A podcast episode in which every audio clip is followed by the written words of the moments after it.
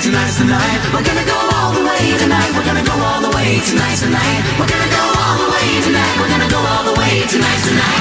Stop right there. I gotta know right now. Before we go any further, do you love me? Will you love me forever? Do you need me? Will you never leave me? Will you make me so happy for the rest of my life? Will you take me away? Will you make me your wife? Let me sleep on it, baby, baby. Let me sleep on it. Let me sleep on it. I'll give you an answer in the morning.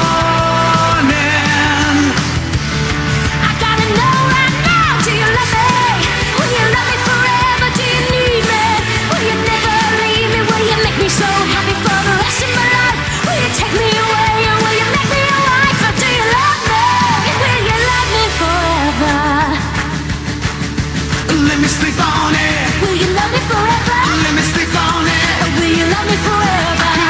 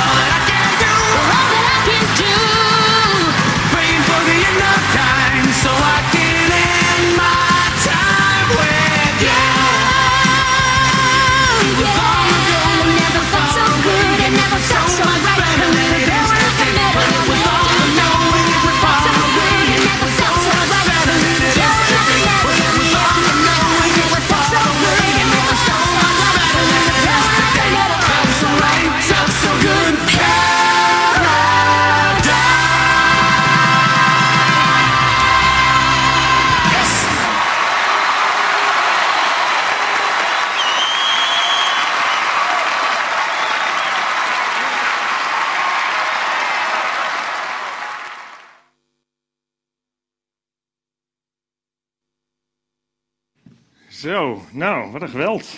Paradise by the Dashboard Light. Wie kan zich dat nummer toen het uitkwam in 77 nog heel goed herinneren? Oh, aardig wat. Nou, dan ben je al bijna toe aan een kortingskaart. Dat is heel leuk hoor, dan krijg je korting op heel veel dingen als je die leeftijd bereikt. Ja. Ja, we keken naar en luisterden naar het nummer Paradise by the Dashboard Light. Eh, niet de originele versie, maar de versie uit de televisieserie eh, Glee. Eh, misschien voor sommigen bekend. Paradise by the Dashboard Light is een rocknummer waarmee Meatloaf in eh, 1977 beroemd werd. En toen dit nummer verscheen op de LP Bad Out of Hell.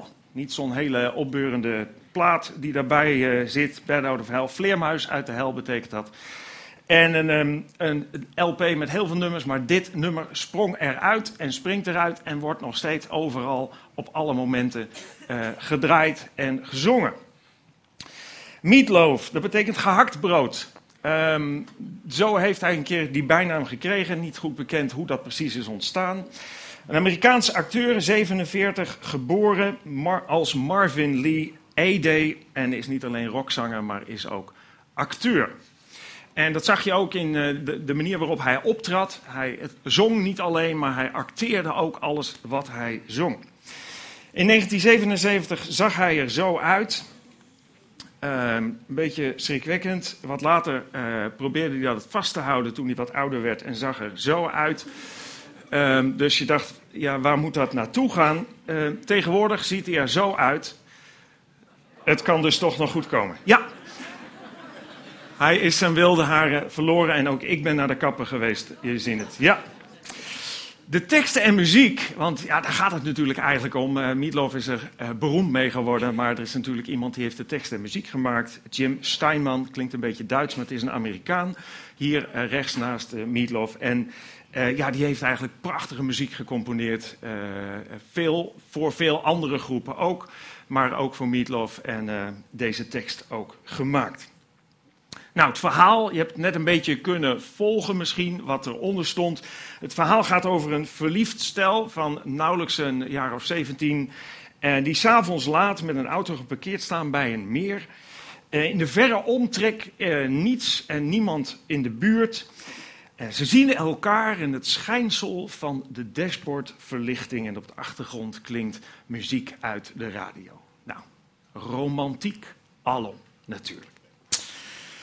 Ja, de tekst van het nummer geeft heel duidelijk aan dat, het, uh, dat ze een goede tijd hadden. Uh, niet alleen uh, omdat ze met elkaar in gesprek waren, daar bleef het niet bij.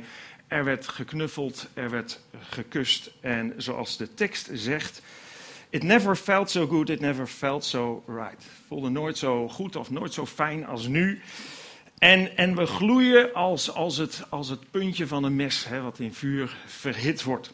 Nou, uh, samengevat zou je kunnen zeggen, er is sprake van enige opwinding.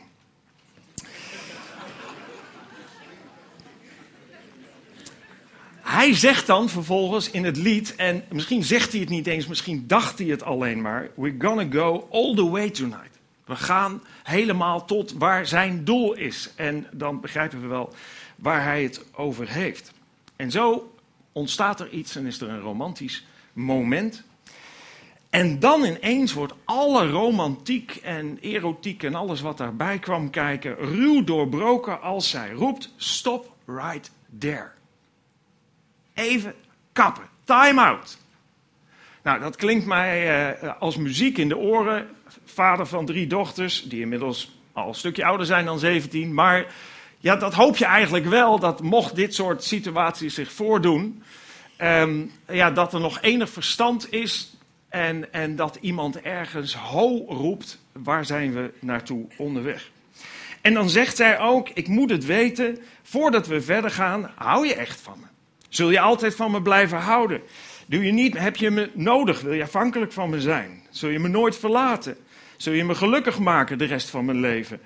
Um, wil je me meenemen waar je ook gaat? En zul je me tot je vrouw maken? Zul je van me houden? Zul je altijd van me blijven houden. Nou, dat is geloof ik niet helemaal wat hij direct in gedachten had.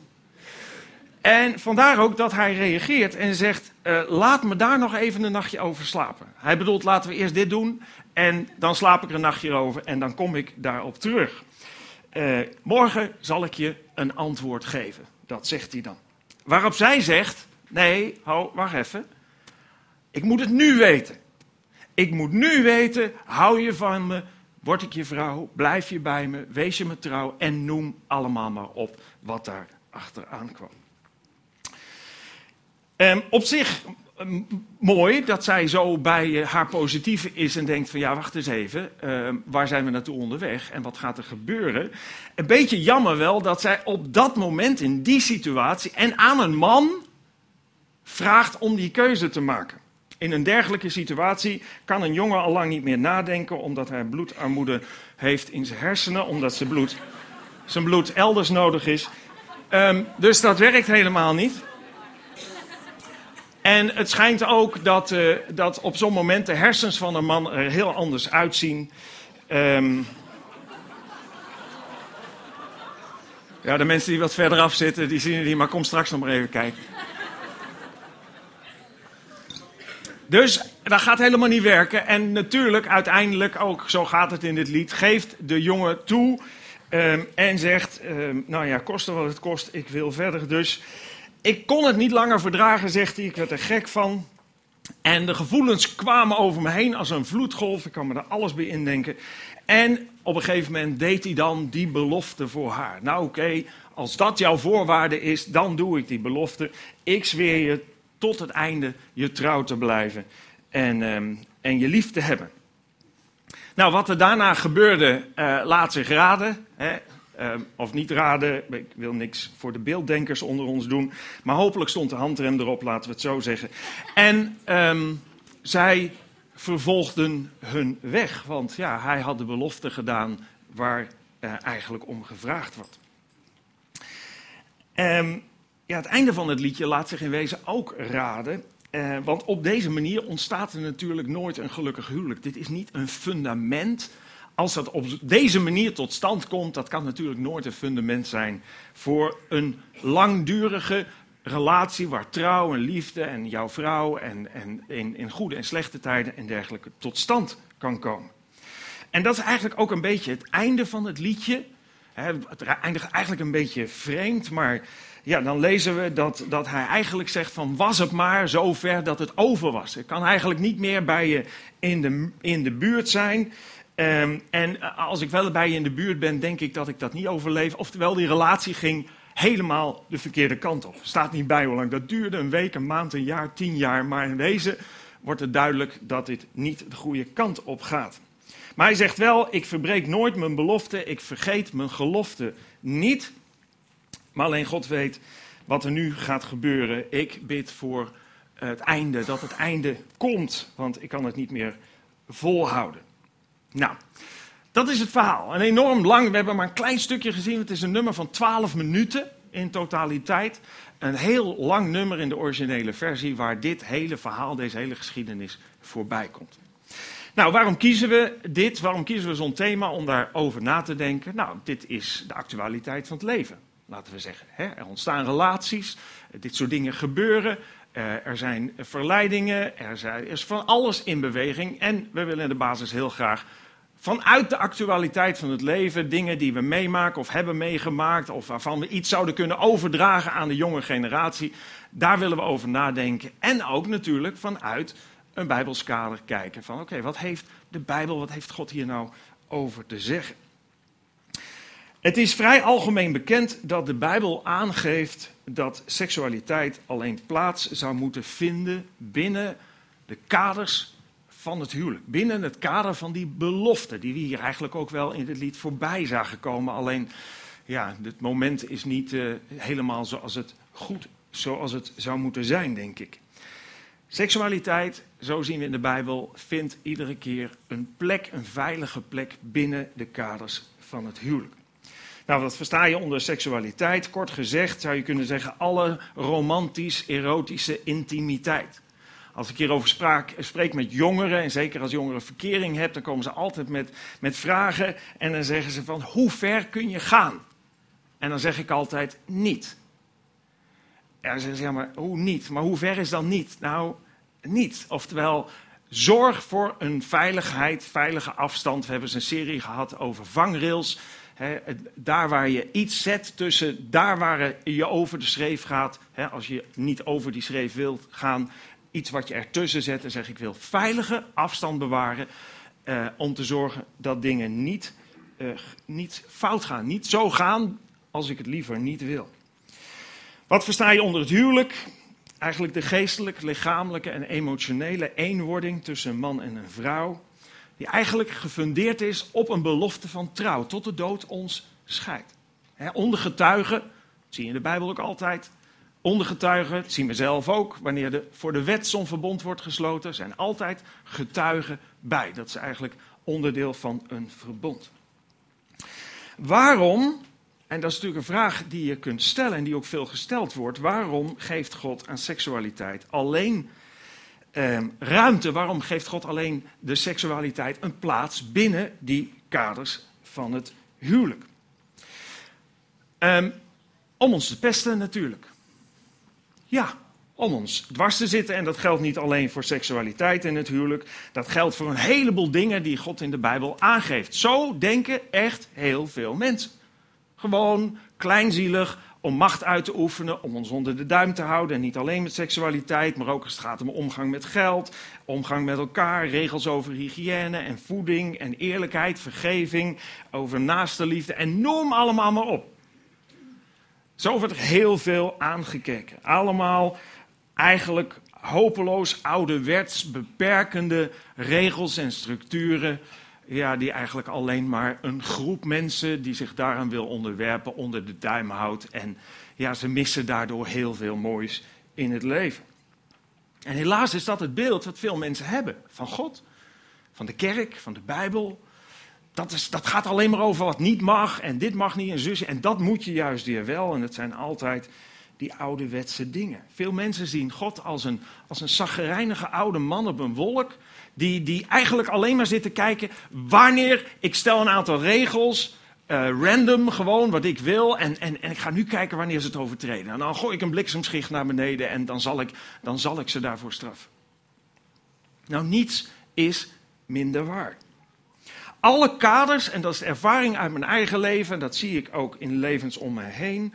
Alle kaders die God ons geeft, geeft Hij vanuit liefde. Vanuit het feit dat Hij van je houdt en je wil beschermen en graag ziet dat je gelukkig bent. Net zoals ouders dat doen naar hun kinderen. Dat is niet altijd leuk voor een kind, de beperkingen die het heeft soms. Maar je weet als ouder, deze beperking moet je opleggen. Dit is veilig. Ik hou van mijn kind. Ik wil niet dat mijn kind iets overkomt. In mijn eigen leven ben ik gaan ontdekken met vallen en opstaan dat Gods kaders of wetten of regels of richtingwijzers of, of gebruiksaanwijzing van het leven mij en anderen om me heen echt gelukkig maken. Dat het een heel positieve impact heeft op mijn leven. Het is niet altijd gemakkelijk. Het is niet altijd even logisch. Ik begrijp ook niet alles. Maar ik ben van mening dat ik God niet hoef te begrijpen om hem te gehoorzamen. Omdat ik hem persoonlijk vertrouw dat hij het beste met me voor heeft. De beroemde koning David, leefde 3000 jaar geleden, gaf ooit zijn visie op Gods kaders en leefregels in een van zijn hits. Want ja, dat staat in de psalmen, dat zijn liederen. Ja, en je moet zeggen, dat is echt een hit als het 3000 jaar geleden nog steeds gezongen wordt zelfs. Hè? Eh, Psalm 19. En daar schrijft, schrijft hij het volgende. De richtlijnen, ik gebruik deze tekst vaker omdat ik het belangrijk, belangrijk vind om aan te geven dat die kaders die God geeft daadwerkelijk het leven verbeteren. De richtlijnen, zegt hij, van de Heer zijn volmaakt. Ze geven levenskracht. Wat de Heer afkondigt is betrouwbaar. Het maakt de onervarene wijs. En je kunt niet zeggen, zeker als je in die fase van je leven bent, 17 jaar, 18, 16, 20, eh, voor de eerste relatie krijgen en al dat soort dingen. Je kunt niet zeggen dat je een ervarene bent. Nee, je bent een onervarene. En deze regels maken de onervarene wijs. Wat de Heer beveelt is juist. Het is een bron van vreugde. Daar kan ik van harte amen op zeggen. Wat de Heer gebiedt is zonneklaar. De ogen gaan ervan stralen. Het woord van de Heer is zuiver. Altijd blijft het gelden. Tuurlijk is het oud. Maar het woord is wel oud. Maar dat oude woord past nog steeds op alle actuele gebeurtenissen in je leven hier en nu. Gebeurtenissen zijn anders, de vorm is anders, het ander uiterlijk. Maar ten diepste is de kern van wat er gebeurt hetzelfde. Altijd blijft het gelden. De uitspraken van de Heer zijn betrouwbaar. Hun juistheid valt niet te betwisten. Ze zijn begerenswaardiger dan goud, dan het allerzuiverste goud. Ze zijn zoeter dan honing, dan honing zo uit de raad. En dat is niet alleen de ervaring van David, maar ook bijvoorbeeld van zijn zoon, de beroemde koning Salomo, die beroemd was om zijn wijsheid.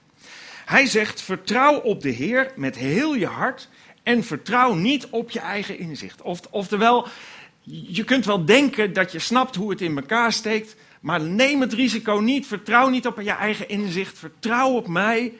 Ik weet echt wat goed voor je is. Denk aan Hem op al je wegen en Hij zal je paden effenen. Oftewel, betrek God in alle facetten van je leven.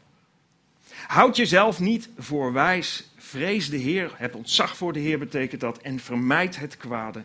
Het zal je lichaam genezing brengen en je gebeente versterken. Dus het is heel duidelijk dat deze koning David, koning Salomo en een heleboel andere mensen ervan overtuigd zijn dat God weet wat het beste voor ons is. Dat hij zoveel van ons houdt, dat hij daarom juist die kaders aanreikt.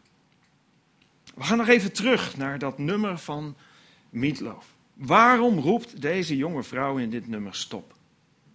Stop right there. Stop right now. Omdat zij, en ik denk net als iedere andere jonge vrouw, intuïtief wel aanvoelt dat een volgende stap niet zomaar iets is.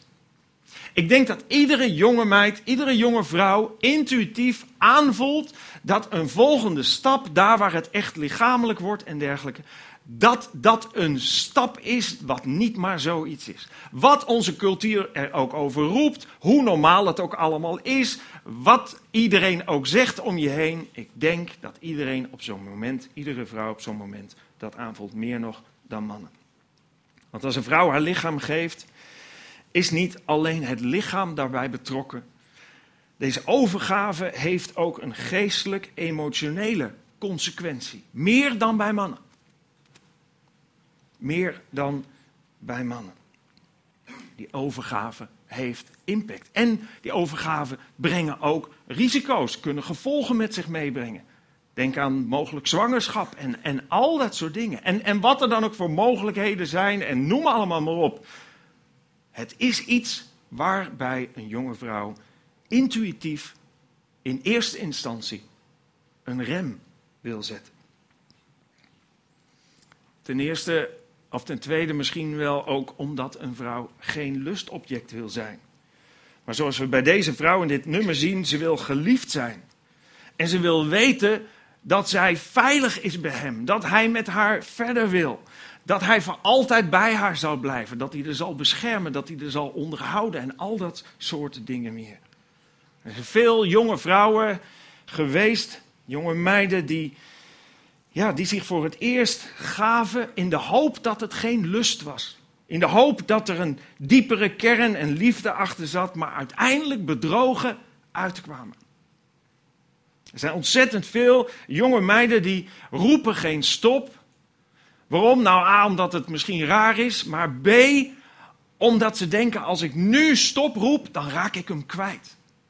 En laat ik je zeggen, eh, als je in die fase bent en anders geef het door aan jonge vrouwen die je kent. Als het daadwerkelijk zo is dat een jongen om die reden afhaakt, dan kun je hem beter kwijt zijn dan rijk.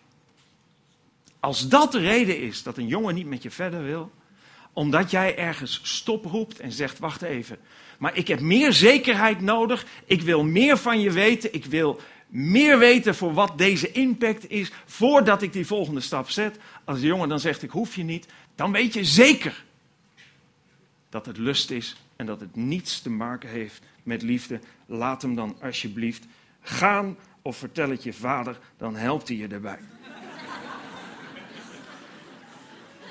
Echt.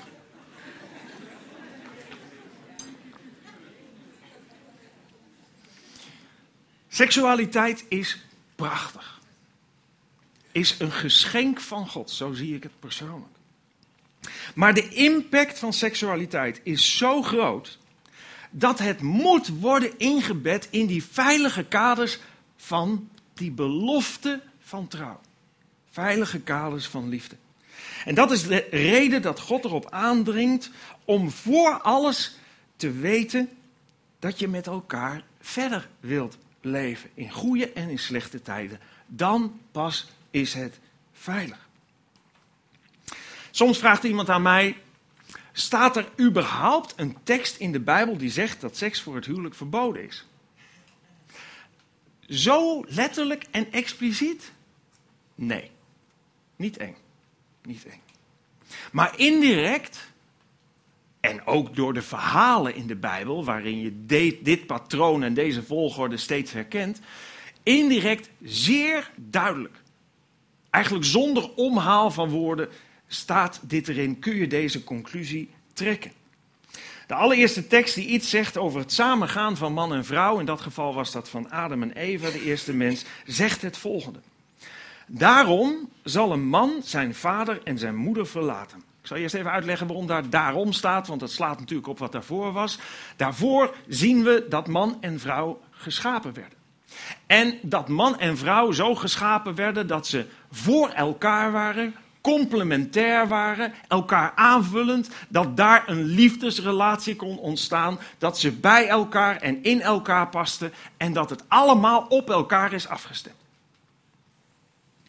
Daarom, om die reden, omdat zij eigenlijk man en vrouw samen horen, daarom moet uiteindelijk een man zijn vader en zijn moeder verlaten, niet daar blijven wonen. Nee, hij moet het verlaten en samen met zijn vrouw gaat hij een nieuwe eenheid vormen, een nieuw gezin. Daarom zal een man zijn vader en moeder verlaten en zich aan zijn vrouw hechten, kleven, verlijmen.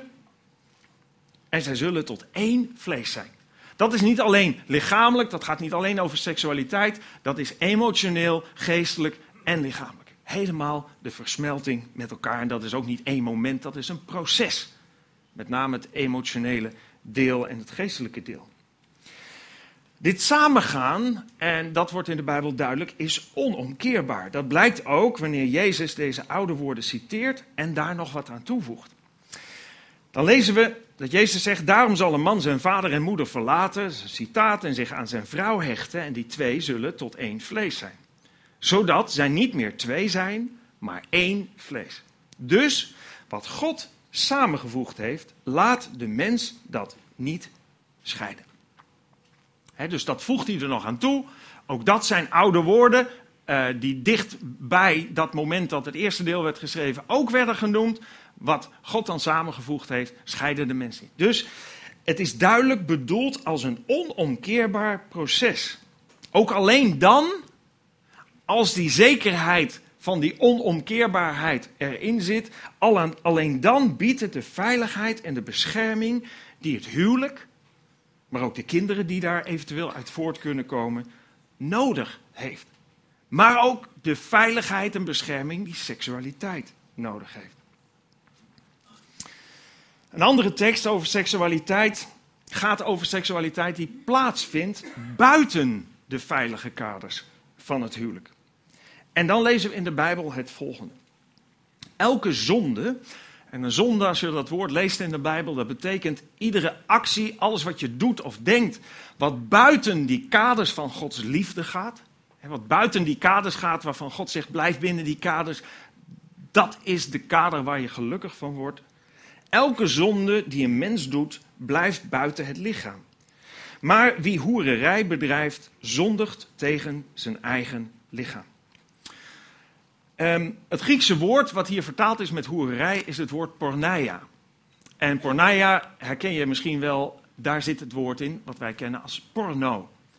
En porno zou je ook kunnen vertalen als ontucht. Porneia, porno, ontucht.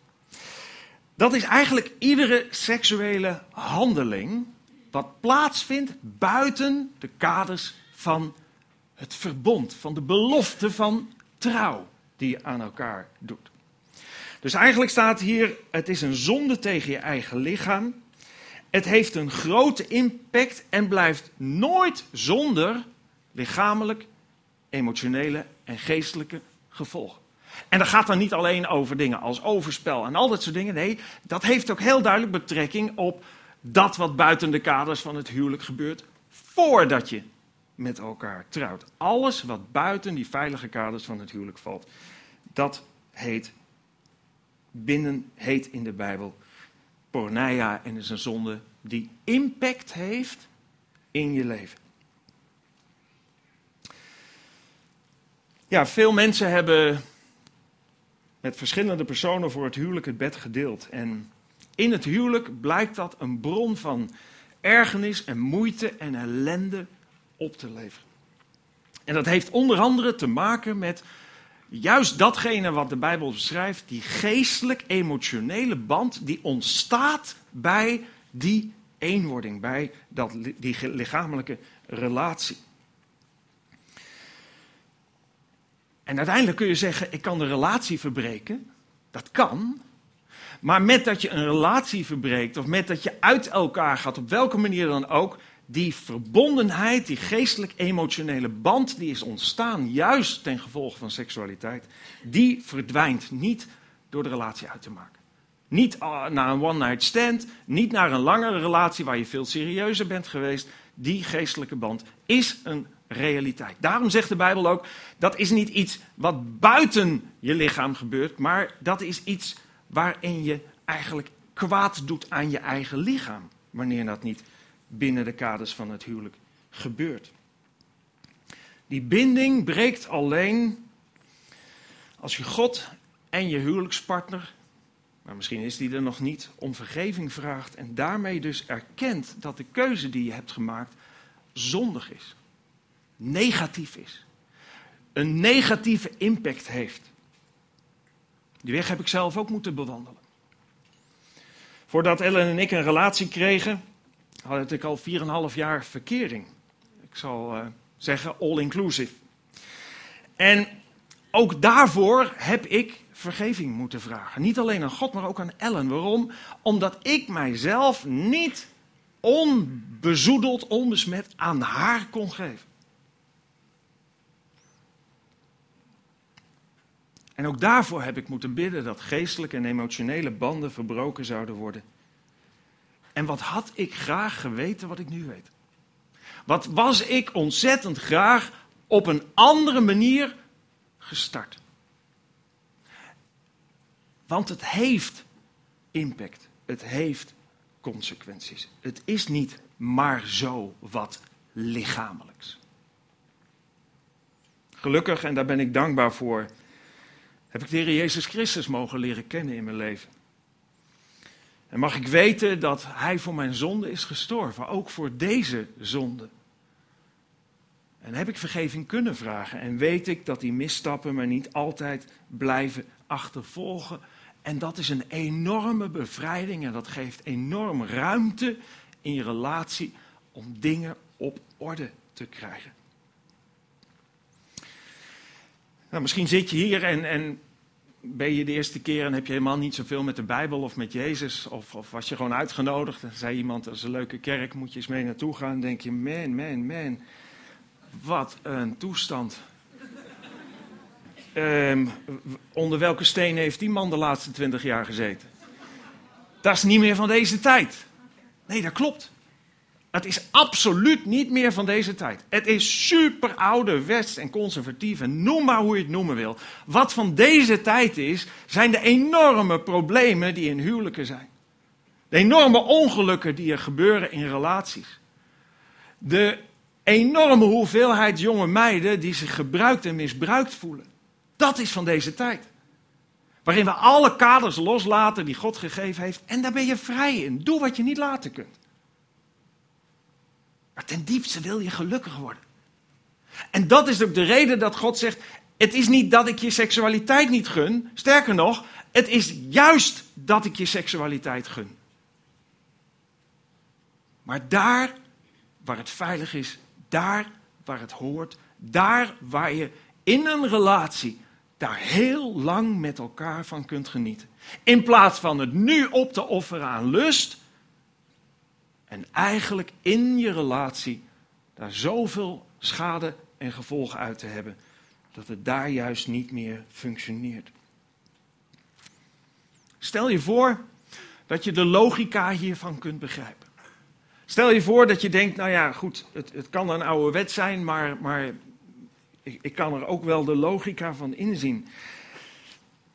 En je wil graag die volgorde gaan hanteren die, die, die, die we eigenlijk in de Bijbel tegenkomen. Waarvan God zegt, daar word je gelukkig van. Hoe pak je dat dan aan? Hoe voorkom je dat, dat je je geluk te grabbel gooit aan, aan lust en aan een slechte zelfbeheersing?